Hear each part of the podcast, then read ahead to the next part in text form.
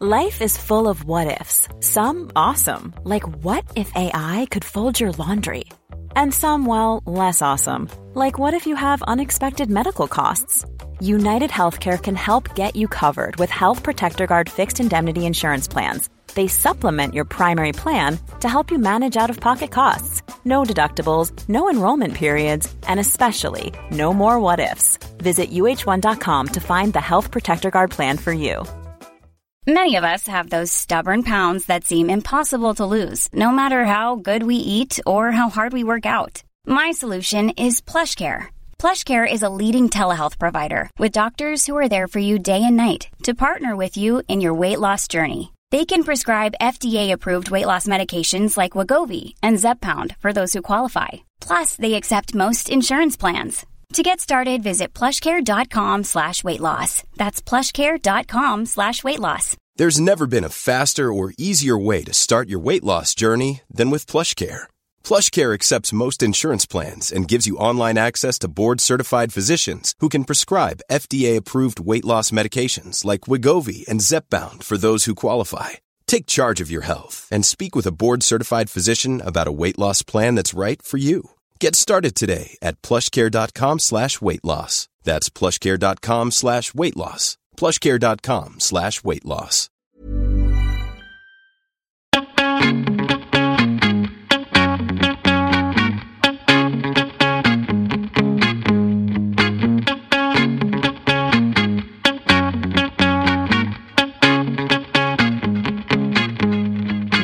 Välkommen till Mode och livsstilspodden. Här kör vi klimatsnack för modenördar och livsnjutare av Anna Blom och mig, Kristina Tjäder. Vår konsumtion av kläder och skor orsakar totala utsläpp av växthusgaser på 3-4% i Sverige och cirka 8% globalt. Så runt 3-8% någonstans av våra utsläpp härstammar från garderoben. 1,5 grader är möjligt, men det kräver omedelbara åtgärder av en aldrig tidigare skådad omfattning. Man kan känna sig hjälplös, ja snudd på apatisk i det planetära nödläge vi befinner oss i. Vad spelar det för roll vad jag gör? Men det spelar roll. Du kan hjälpa till att rädda världen med dina kläder. I den här podden så kommer vi att ställa frågorna vi går runt och klurar på och prata om hur man kan förvandla maktlöshet och uppgivenhet till action, eller i alla fall bättre tankar. För vi är förvirrade, vi är förlorade i en djungel av olika hållbarhetsbudskap och märkningar och varje dag möts vi av en ny rapport. Jag menar, hur ska man kunna hålla reda på allt? Vi hoppas kunna bli en liten hjälp för dig att enklare navigera fram i vardagen. Vi utgår från att vi vet absolut ingenting, så fyller vi på därifrån. Fyll på, fyll på. Vi behöver alla fylla på. Resten av tiden pratar vi fritt och kan inte säkerställa vetenskaplig grund till vad som sägs. Vi kommer naturligtvis göra vårt bästa, vi ska inte lura er. Men bra att vara tydliga, tänker vi, så här i vårt jordevarv av fake news. Ja, och när det här spelas in så är vi mitt i en pandemi och kris. Och shoppingen eh, har varit eh, väldigt påverkad skulle jag vilja säga och väldigt många har suttit länge i karantän. Det börjar ju släppa lite grann nu. Mm. Men eh, jag tror att folk fortfarande håller i plånboken. Ja, jag, jag, alltså hur tänker du? Jag tänker så här, eh, du köpte ju nyligen en, en väska men det var ju verkligen en investering så det kanske är snarare så man tänker.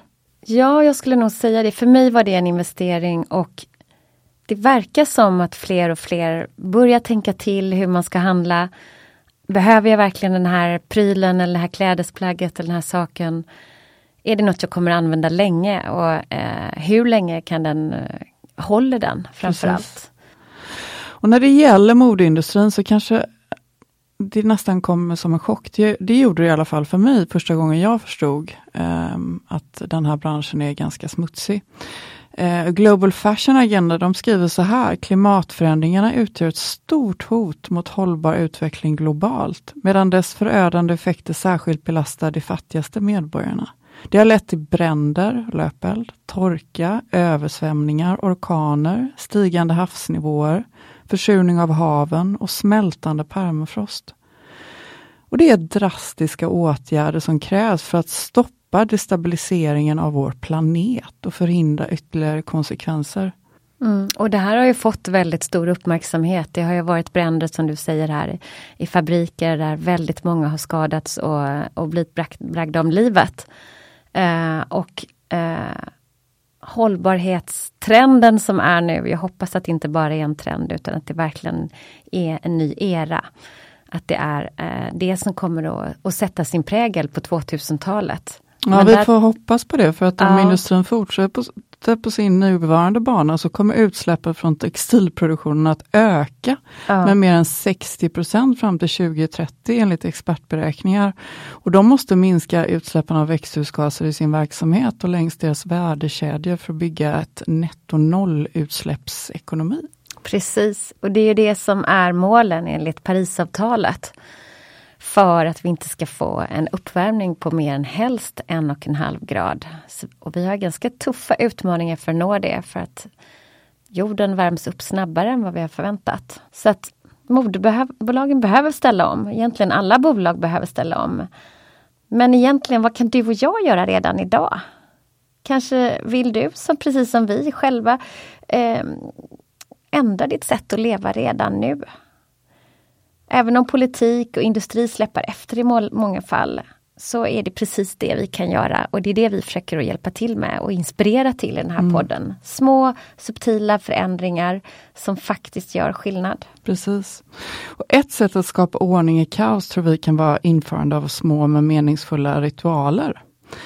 Eh, och I förra avsnittet så träffade vi Fredrik Andersen som berättade om hans supersmarta ritual när det gäller att stryka skjortor som jag går och sprider vitt och brett bland mina manliga vänner. Men även kvinnliga hoppas jag, för att jag använder ju i princip varje dag har jag skjorta på mig. Men vet du vad, det, jag använder också skjorta väldigt ofta, men jag har faktiskt en steamer. Mm, det är, det är väldigt smart. Mm. Eh, men eh, vi frågade Dick Harrison, professor i historia, hur länge människan har använt sig av ritualer. Och vad är egentligen en rit och varför har de uppkommit? Och när blir de kopplade till vardagen? Och Dick Harrison han svarar så här. Ritualerna föregår civilisationen. Grottmålningar, förhistoriska tempel, fynden av modergudinnor som är 30 000 år gamla etc. Allt detta tyder på att människan har ägnat sig åt ritualer så länge vi har existerat. Varför kan man undra? Antagligen för att söka besvärja naturen, gudarna, historiens gång, kort sagt, som ett sätt att skapa ordning ur kaos. Ja, alltså ritualer tycker jag är så spännande verkligen. Det är något mystiskt över ritualer. Och något som ligger mig nära till hjärtat och säkert många andra kvinnor med mig är ju vad vi bär närmast kroppen. Och det är precis det vi kommer prata om idag. Precis, underkläder. Det här är ett område som är under stor förändring kortfattat kan vi säga att push-up-bhn är helt passé. Trots att när man går ut och ska leta efter bh så är 90% av alla bhs eh, push-up. Eh, men som trenden säger så är det inte så kvinnor vill ha det längre. Vi vill ha komfort. Och eh, det börjar komma ett lite bredare storleksspann och lite olika skönare modeller. Komfort det är det vi ska komma till. Och även ett mer hållbart tänk är på gång. Så bland annat så 2018 så släppte österrikiska Woolford den första komposterbara underklädeskollektionen. Och utmaningen i framtiden blir ju att ersätta syntetmaterial.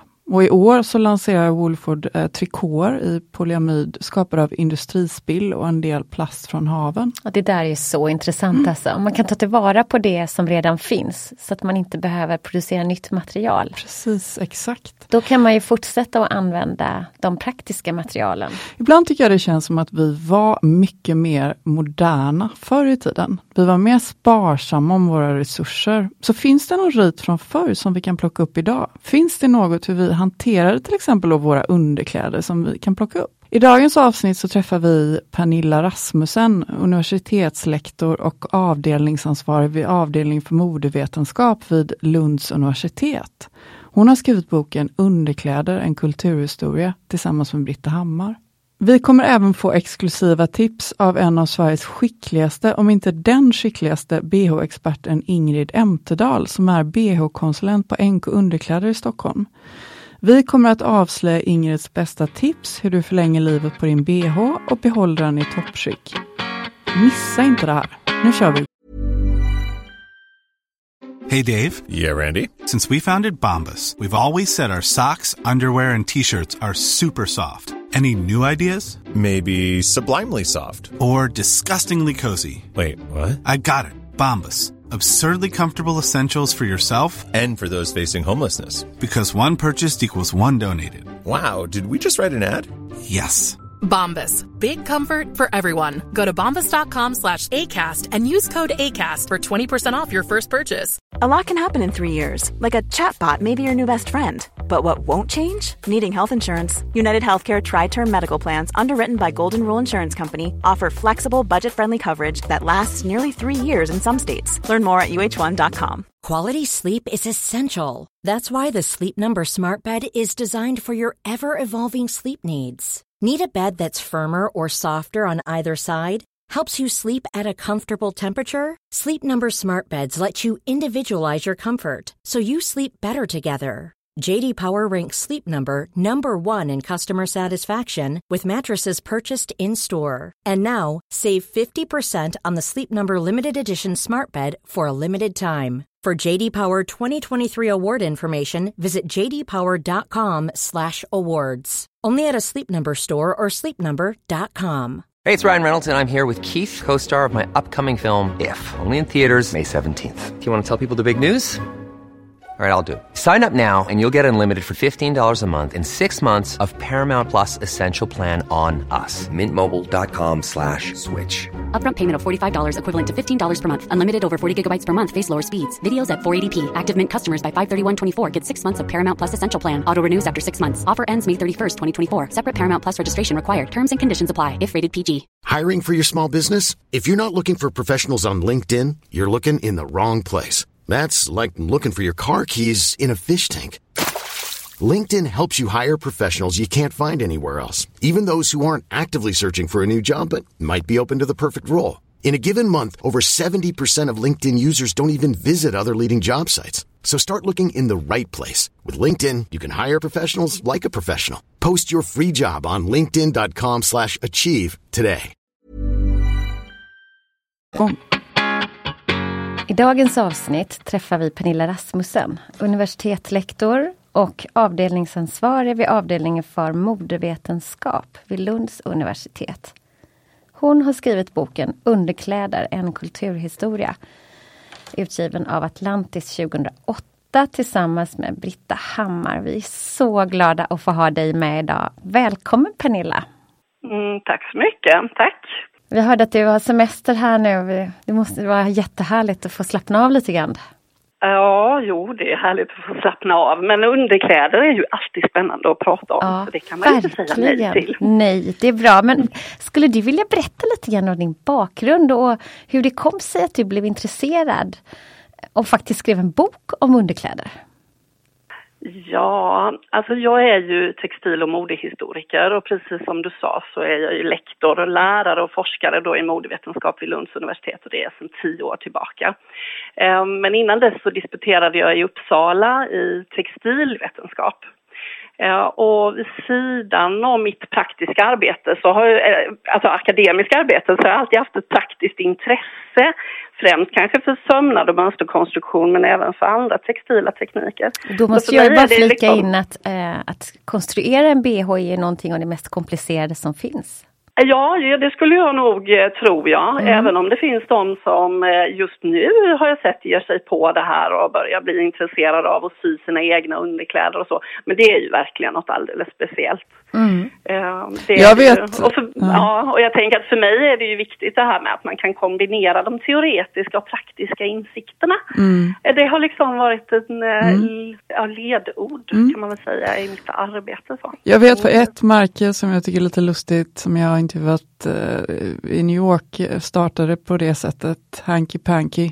Namnet kommer därav också faktiskt, för att eh, det var eh, Gail, grundaren där, som eh, hon eh, sydde själv ett litet set av eh, gamla näsdukar tror jag det var, eh, som hon ville ge till sin eh, kompis som då blev hennes eh, affärspartner. Och, då, Mm. hon är, intressant att det var så det startade, Ja, ja, av gamla ja. näsdukar. Det är ganska hållbart i sig att man återvinner någonting. de har ett extremt hållbart tänk Mm. och har haft det sedan de startade på 70-talet. Det är lite coolt.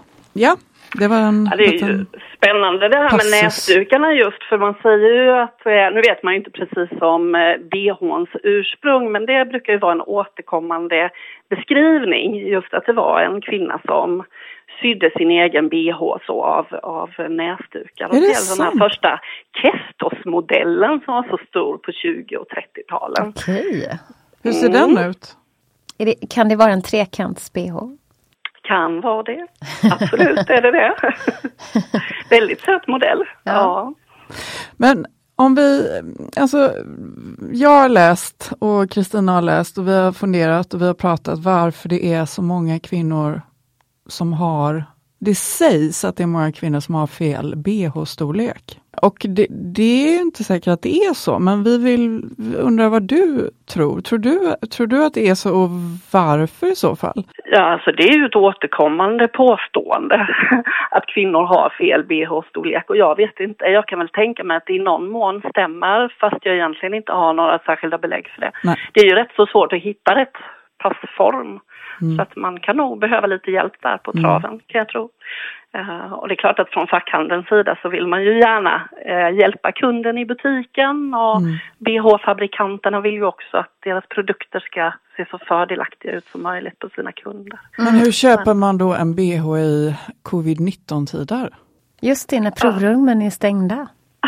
Ja, Det är ja, nu nu kan man som kanske hålla avstånd och distans just i provrummet, även om vägen dit kan vara eh, fylld av hinder kanske. Men alltså, det är ju svårt att genomskåda det här storlekssystemet som är, alltså med omkretsen å ena sidan och kupan å andra sidan och vilka Mm. variablerna man ska ändra på för att få bättre passform. Man kan ju hoppas inte- att några bh-butiker börjar införa skrädderi.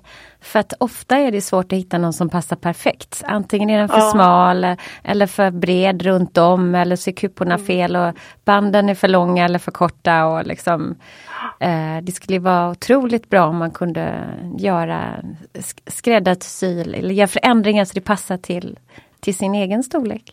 Pernilla, finns det några ritualer runt underkläder i historien som är värda att uppmärksammas lite extra? Eh, finns det något som vi liksom skulle må bra av att faktiskt plocka upp igen i våra hektiska liv för att stanna upp och göra livet mer lustfyllt? Jag tänker, i och med- du, du har ju sån insyn i hur kvinnor klädde sig förr. Mm. Alltså det där med ritualer kring underkläder, det är ju, det är ju mm, det är en svår fråga. Men jag tänker just att det här med om man blickar tillbaka på eh, historien och hur vi uppfattar historien och så. Då är det ju snörningen av snörlivet som en sån här eh, återkommande ritual och det är också en obligatorisk tidsmarkör i kostymfilmer och det ger en bild av historien om det nu är sann eller inte. Och där finns ju eh, snörlivet som både något slags sensuellt plagg men också förtryckande. Så det här med påklädande tänker jag i sig som en ritual för att förbereda sig för den sociala världen där ute eller klä, ikläda sig en roll. Det är ju en del av underklädernas funktion. Alltså där, och det här med tanken på en fast och lite disciplinerad kropp, den tanken finns ju fortfarande kvar. Alltså är man van vid att ha en bh så känner man sig lite naken och oklädd utan. Mm. Så att eh, underkläderna finns ju i det här gränslandet mellan någon slags kulturell fasad eller kropp och så vår egen nakna kropp. Och där, där är det ju, det är ett känsligt gränsland som, Verkligen. som kan vara Men ja, typiskt för finns- ritualer. Finns det gränslandet ens idag? Jag menar, jag, jag har väldigt svårt att se, jag tänker på mig själv och på vänner, eh, vem har en ritual kring hur man tar på sig underkläder? Nej, inte, nej, nej, kanske, kanske inte. Men jag tänker liksom att, eh, att klä sig i sköna, vackra underkläder som sitter äter bra Mm. och får Mm. en att må bra under dagen. Det är väl kanske någon ritual då i viss mån. Ja, och kanske till och med när man ska liksom, köpa underkläder. Det kan ju också vara så. Vissa väljer lite mer casual, andra väljer lite mer spetsromantiskt, Mm. andra vill ha lite sexigare. Det kan vara en ritual i sig i, i vilken typ av underkläder man köper kan jag tänka mig. Men om man vänder tillbaka lite grann till frågan, Pernilla, tror du att det finns någon vinning i att göra det mer till en ritual, om vi säger så? Alltså, liksom, för någonstans så pratar man ju ganska mycket om att vi vi går ju ganska snabbt framåt. Och någonstans i, i det här, den nya världen så kommer vi att eh, behöva kanske sakta ner lite grann.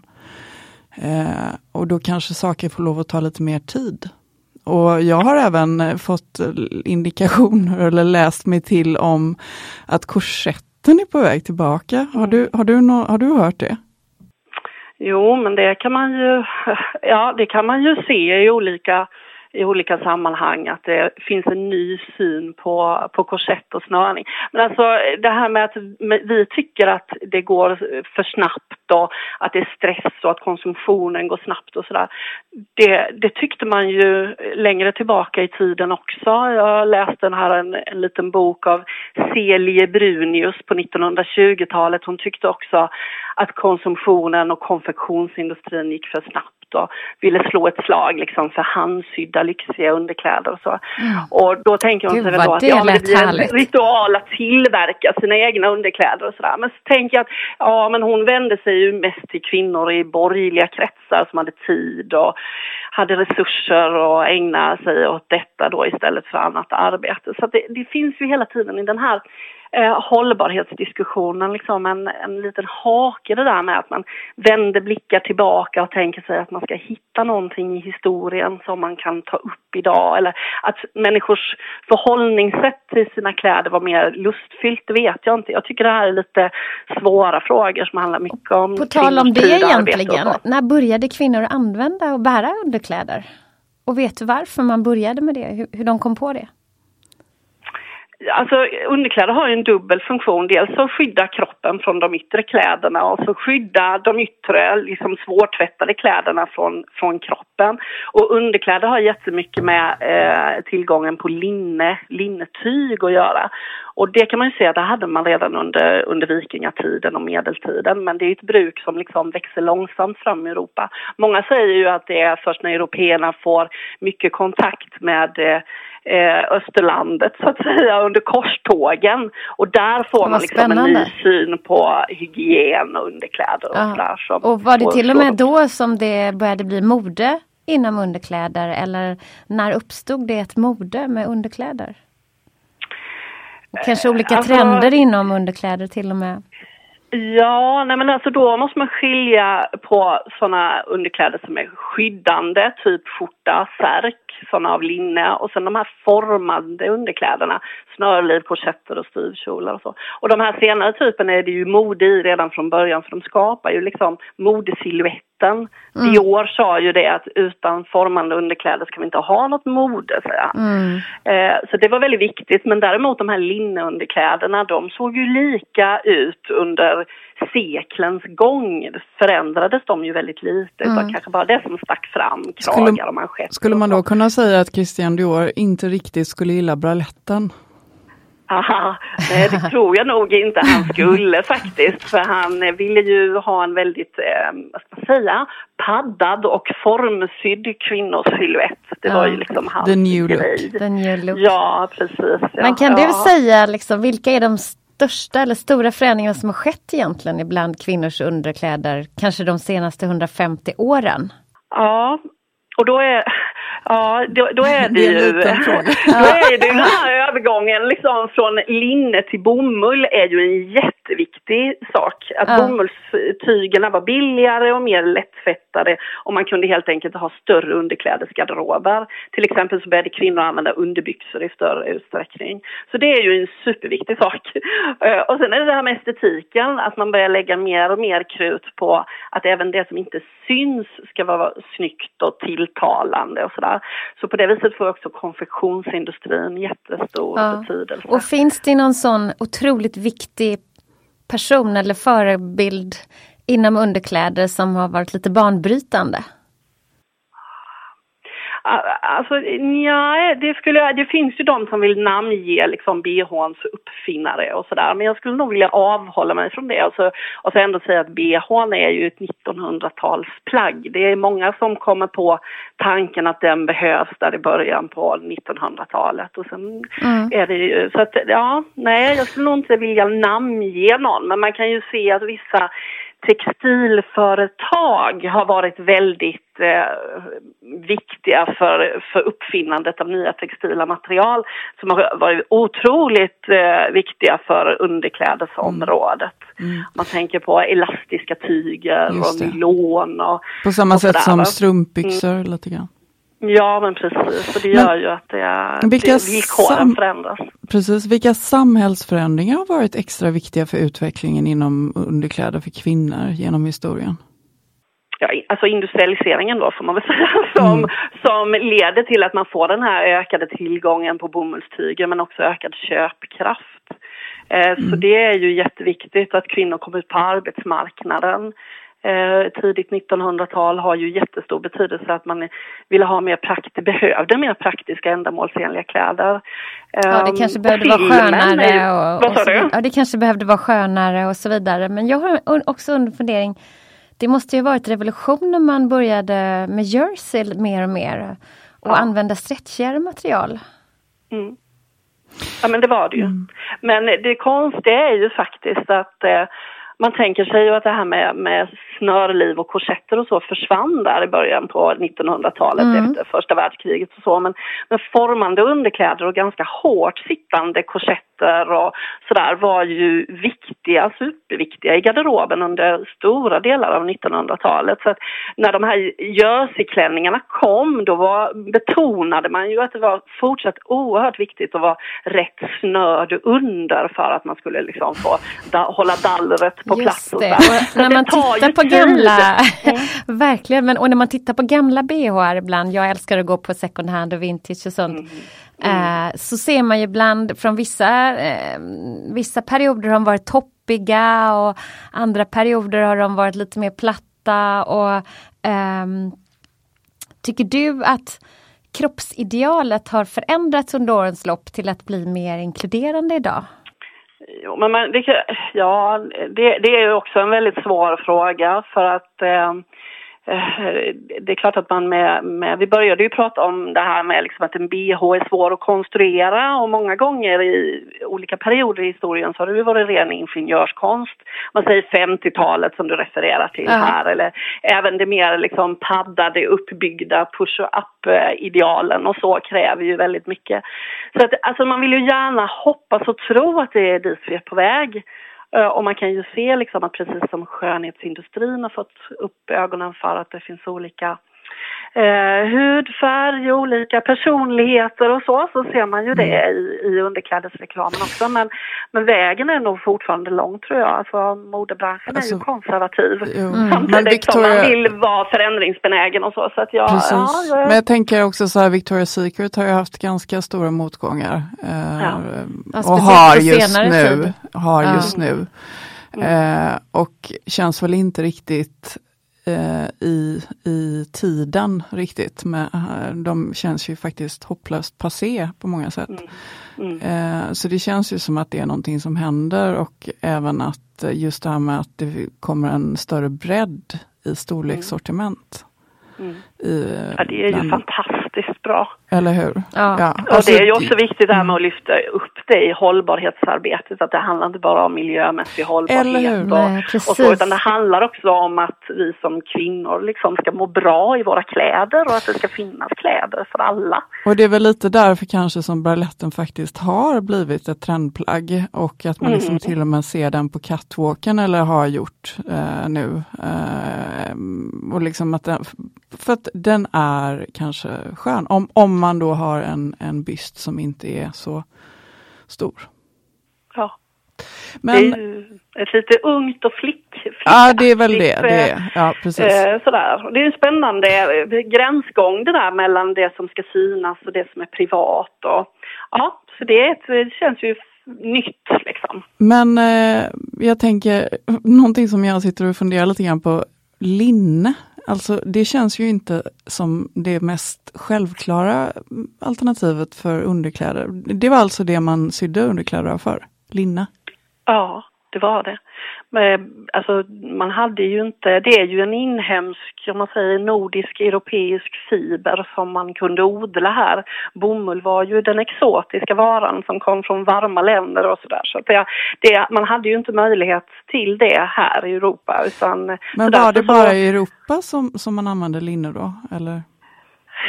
Ja, i, ja, i svalare, de svalare delarna av, mm. av världen så att mm. säga. Där. Det bygger ju på liksom att man har använt de fibrer eh, som man har haft tillgång till i sin närmiljö. Så linne och ylletyger ja. här skulle, mm. och så siden och eh, bomull på, på andra ställen där man har haft de fibrerna. Så frågan att, är om man ens kan hitta... Ja, mm. och frågan är om man ens kan hitta linneunderkläder idag. Det skulle vara väldigt intressant. Det skulle se väldigt snyggt ut och det skulle kännas väldigt eh, nytt. På något Väldigt vis. nytt. Med, med jag tänker med stretchen och, alltså, och, och liksom hållfast. Man alltså, kanske kan ha linne som jersey. Stödfunktion i linne. Liksom. Ja. Är det...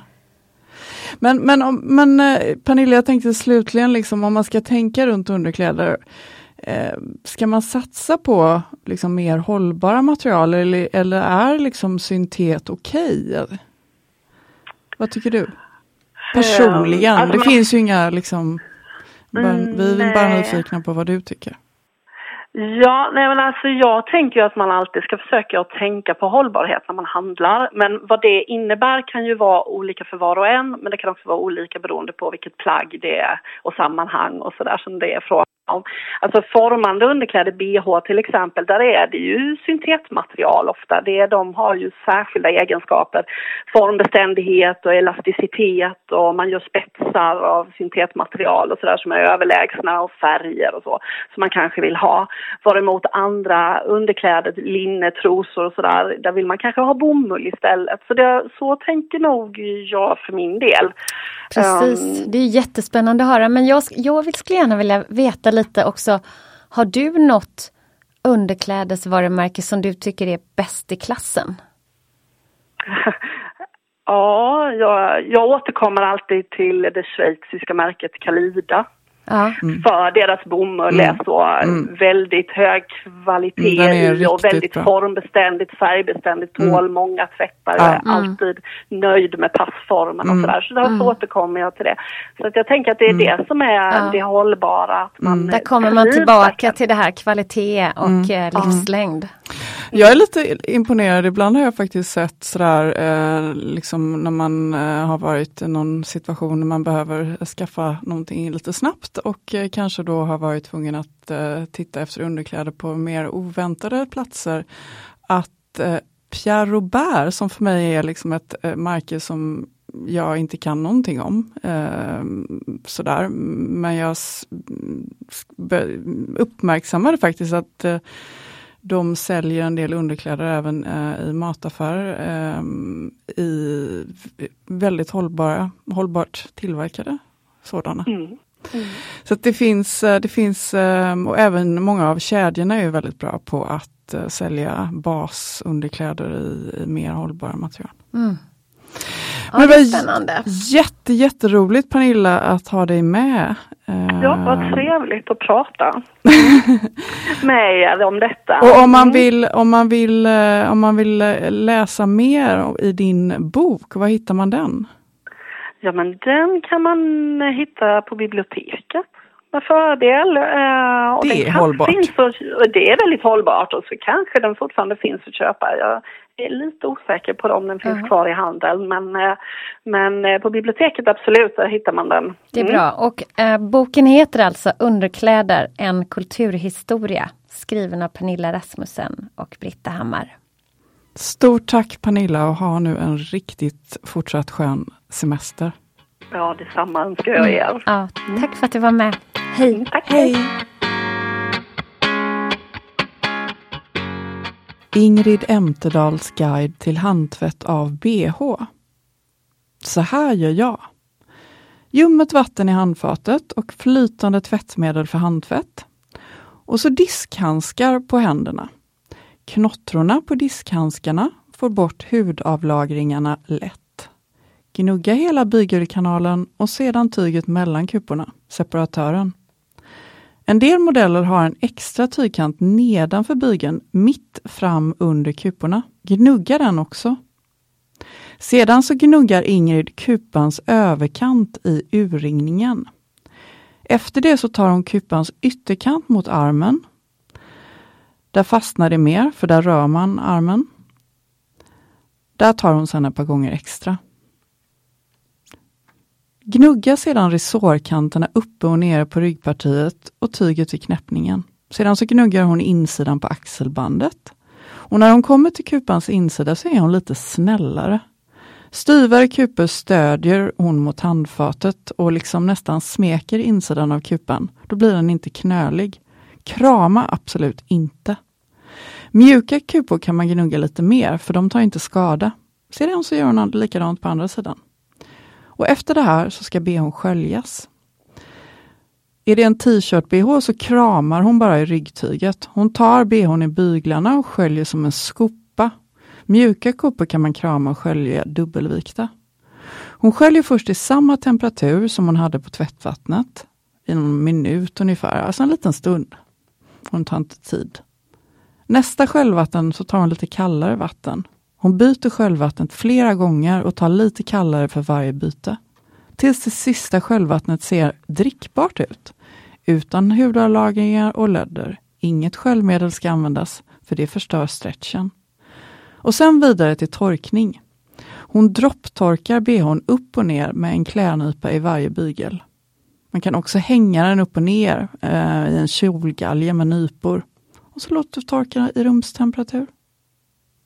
Det här låter ju som ett väldigt fint sätt att ta hand om och verkligen vårda sin bh. Det är lite ritual i sig ja, skulle jag säga. det är det. det här jag har är faktiskt ritual. tips på en annan Ja, ritual. ja. Som eh, en gång när vi var eh, i New York och faktiskt var intervjuade på Vogue, vi var på deras huvudkontor, så började de prata om husmorsknep, om vi hade några husmorsknep. Eh, jag och mina eh, partners från Dagmar. Och eh, hur man tar hand om sina kläder. Så vi gav lite våra knep som vi gjorde med stickat och sådär. Och då så gav hon oss ett knep hur man får ren sin bh. Var det lärd? Ja, det var faktiskt lärd. då eh, då eh, tar man bhn och stoppar den i en glasburk, till exempel en gammal syl- syltburk kan man ta. Med ljummet vatten och eh, milt eh, tvättmedel. Så stänger man locket och så skakar man burken rejält ett antal gånger. Och sen så låter man bhn ligga ett litet tag i det här vattnet. Eh, och sen så skakar man eh, ett tag till några gånger. Och sen tar man upp den och sköljer. Och det menar de är liksom det mest eh, Har du gjort, har du snällaste gjort det? sättet. Ja men jag, jag testade det såklart men jag ska faktiskt erkänna att det är inte så jag tvättar mina. Men Jag brukar lägga talat. dem i en tvättpåse Ja, och slänga alltså, in dem i tvättmaskinen men det kanske man inte vågar efter. Tid att Ja. göra det här. Ja. Eh, jag är extremt imponerad av Ingrids tips eh, och den omsorg eh, som, eh, som eh, ingår i den här lilla ritualen. Och Verkligen. hur mycket längre du kan ha dina BHR kvar i livet innan de behöver återvinnas. Mm. Det kan ju hända att den här skaket i glasburken, syltburken, går lite snabbare. Och jag vet inte om det är det renaste resultatet eller vad det är men ehm, det känns ju som att man kanske summerar här att eh, ur ett hållbarhetsperspektiv om, om folk vårdar sina bh på ett ömsint sätt så kommer vi också ha dem väldigt länge. Är det lite mer kärlek som behövs? Lite mer kärlek tror jag. Det är ofta en bra lösning på Mm. det mesta. Mm. Jag tror att vi avrundar för idag här. Jag tror det. Ja. Och sen så kan man ju även faktiskt kanske konstatera att man kan titta efter mer hållbara material och att det händer väldigt mycket inom underkläder just nu på alla fronter. Eh, och att det faktiskt lönar sig att göra lite research. Precis. Tack. Tack för idag. Tack Hej då. Hej då.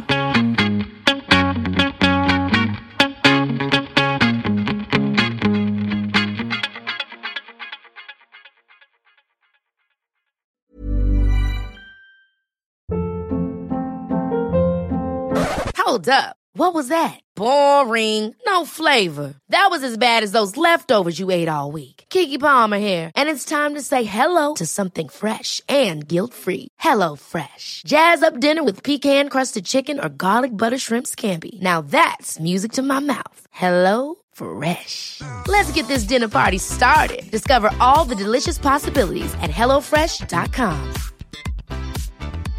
Even when we're on a budget, we still deserve nice things. Quince is a place to scoop up stunning high-end goods for 50 to 80% less than similar brands. They have buttery soft cashmere sweaters starting at $50, luxurious Italian leather bags, and so much more. Plus, Quince only works with factories that use safe, ethical, and responsible manufacturing. Get the high-end goods you'll love without the high price tag with Quince. Go to quince.com slash style for free shipping and 365-day returns. Imagine the softest sheets you've ever felt. Now imagine them getting even softer over time. That's what you'll feel with Bowl and Branch's organic cotton sheets. In a recent customer survey, 96% replied that Bowl and Branch sheets get softer with every wash. Start getting your best night's sleep in these sheets that get softer and softer for years to come. Try their sheets with a 30-night guarantee. Plus, get 15% off your first order at bowlandbranch.com. Code BUTTERY. Exclusions apply. See site for details.